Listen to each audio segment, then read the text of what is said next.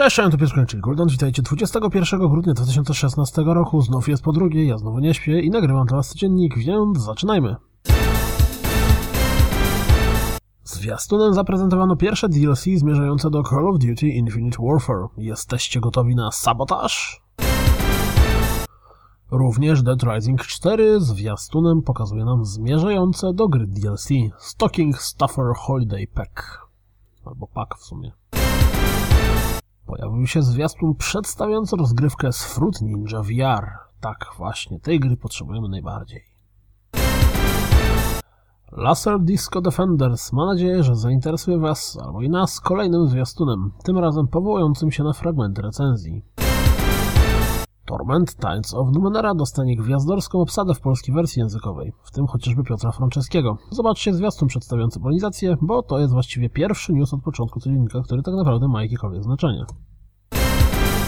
Shantae, albo Shanti, albo Shante, Half Genie Hero po wielu perturbacjach w końcu zadebiutowało na Steamie, PlayStation 4, Xbox One, Wii U i PlayStation Vita. Natomiast muzyka w zwiastunie premierowym jest taka trochę yy, odstręczająca.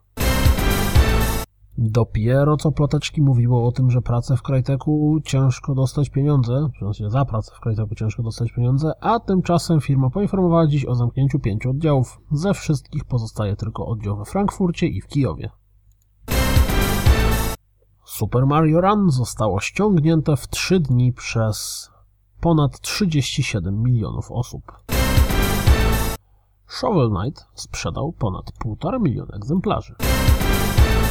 Dowiedzieliśmy się, jakie gry dostaniemy w ramach styczniowego Games with Gold. Na Xbox One będzie to The Incredible Adventures of Van Helsing oraz Killer Instinct Season 2 Ultra Edition.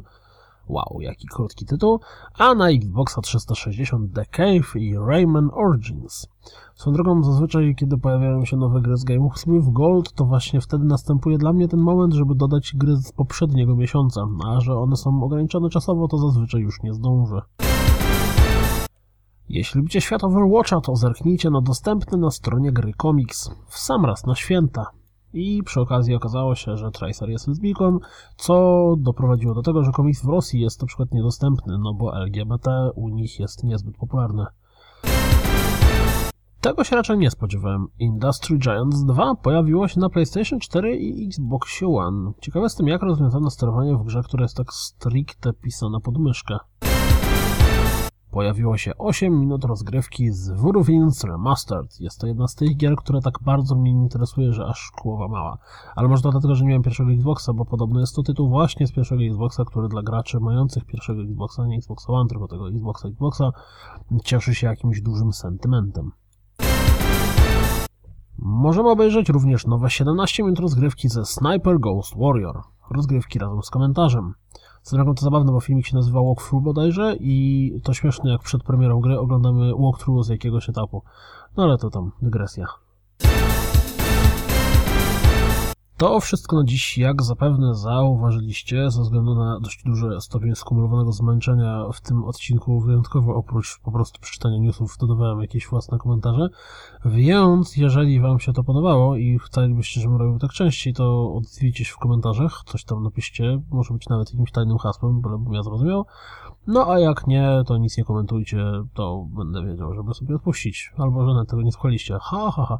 W każdym razie, yy, o czym ja... Aha, no zapraszam na stronę naszą oczywiście www.rozgrywkapodcast.pl a jeśli doceniacie moją pracę, to wesprzecie mnie na Patronite. No, to dzięki. Do usłyszenia, miłego dnia, trzymajcie się, cześć!